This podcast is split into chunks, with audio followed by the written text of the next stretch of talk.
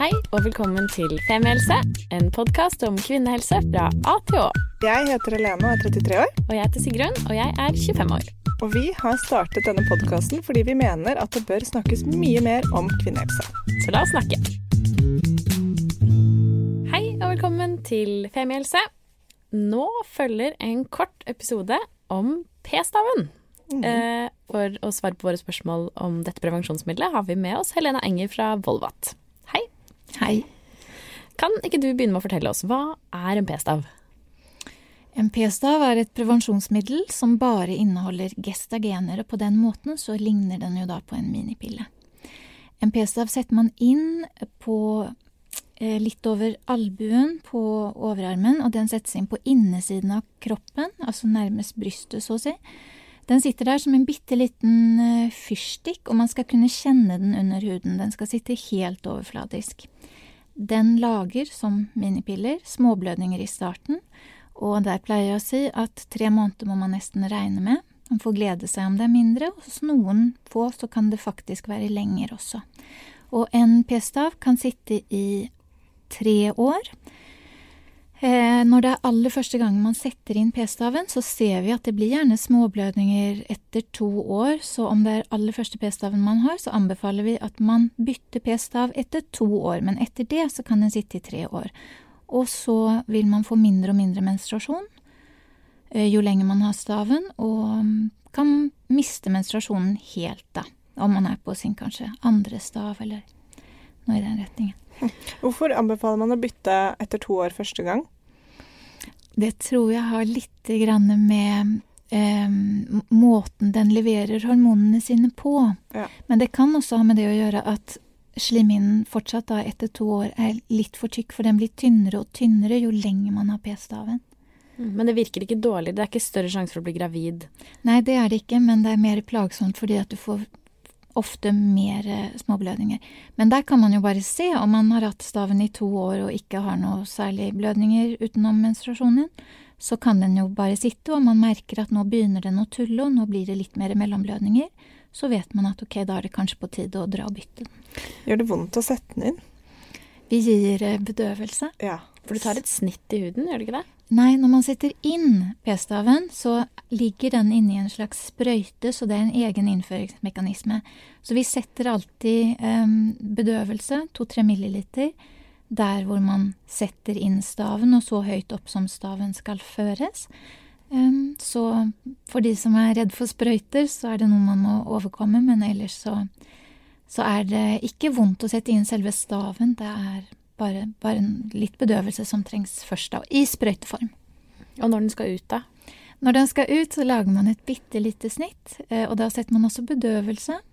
Um, fordi da må man lage en liten åpning kanskje på en millimeter eller to, og så går man inn og henter ut staven.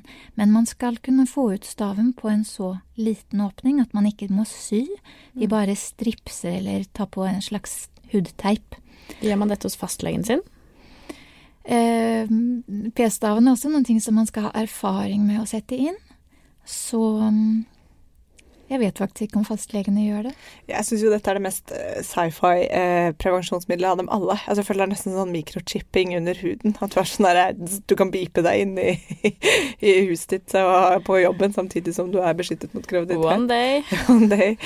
Ok, Men er det sånn at da med en gang når du tar den ut, så forsvinner hormonet like fort ut av kroppen som hvis du går på minipille, eller henger det litt igjen, eller er det bare sånn Jeg har ikke akkurat tallet på hvor fort hormonene forsvinner ut av kroppen, men det er veldig raskt. mm. Det er det. Så man tar den ut, og så får man da vente bare på at menstruasjonen normaliserer seg igjen. Om man ikke har hatt noen menstruasjon i det hele tatt på p-staven, så får man da vente på en måte på at den slimhinne bygger seg opp, og det gjør den i forbindelse med at kroppen starter på en ny ja, runde med eggløsning og sånn. Så p-staven har gestagen i seg, så samme som minipille. Ja. ja. Og da anbefaler vi jo alle å høre på da episoden vår om p-pille og minipille for å høre litt mer om bivirkninger og effekt av gestagen på kroppen. Um, men hvem er det man anbefaler å sette inn p-staven til? Altså, du må jo ta en sprøyte. Det gjør kanskje bitte litt vondt. Men altså, hvorfor ikke da sette inn spiral? Eller er det bare fordi det er et annet alternativ? Eller Er det en egen målgruppe for p-staven? Ikke egen målgruppe. Jeg ville sagt at uh, det er jo et langtidsvirkende prevensjonsmiddel som du setter inn, og så kan den sitte i da egentlig tre år, kanskje to om det er aller første. Og det blir jo det samme som med spiralene. Alt som uh, Alle prevensjonsformer der man kutter ut um, pasientfeil eller brukerfeil er av interesse. Og setter man inn en p-stav eller setter man inn en spiral, så kan man ikke gjøre noe galt. Man kan ikke glemme verken det ene eller det andre, som man kan ved minipille eller p-pille. Og det er det som er så lurt med p-stav og spiral. Så jeg ville sagt alle som har litt vanskelig for å huske.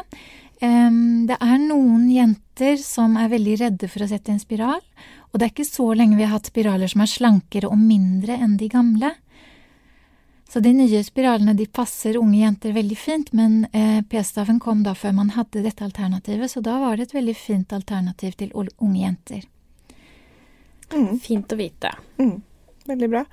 Eh, skal vi prøve oss på en liten oppsummering? Ja. ja. Ja, P-stav er sci-fi. Nei da. Eh, P-stav settes inn eh, ved hjelp av en eh, liten eller en sprøyte i overarmen etter at man har fått en bedøvelse. Og da, den inneholder gestagen og varer i ca. tre år. Men første gang man får den, burde man kanskje bytte den etter to år. Så det er et langtidsvirkende prevensjonsmiddel med lite fare for brukerfeil mindre man vet ikke hva man skal gjøre. Jeg snakker om et dataprogram her. beep, beep, ja. Men det er vanlig å blø, da. I hvert fall liksom de første månedene, og ofte lenger. Ja. Og så er det én ting som er viktig å si også, at minipille og p-stav har ikke blodpropprisiko, så det kan brukes da av jenter som har hatt blodpropp tidligere. Er det en egen målgruppe? Ja. Kult. Mm, bra, bra info. Ja.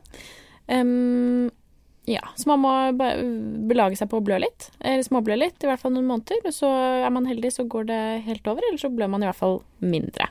Mm. Bra. Har vi glemt noe? Nei. Håper ikke det. Nei, det er bra.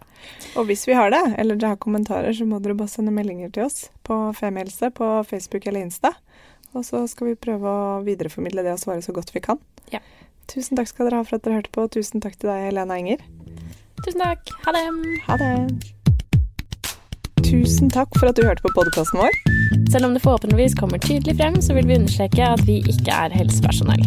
Ja, så som vanlig, kontakt legen din om du har noen spørsmål, eller om du skal begynne på noen form for behandling.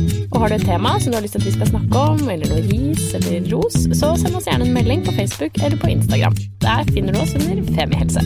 Mm. Og du kan gjerne vite oss på iTunes, det er skikkelig hyggelig for oss. Ha en fin dag. Ha en kjempefin dag.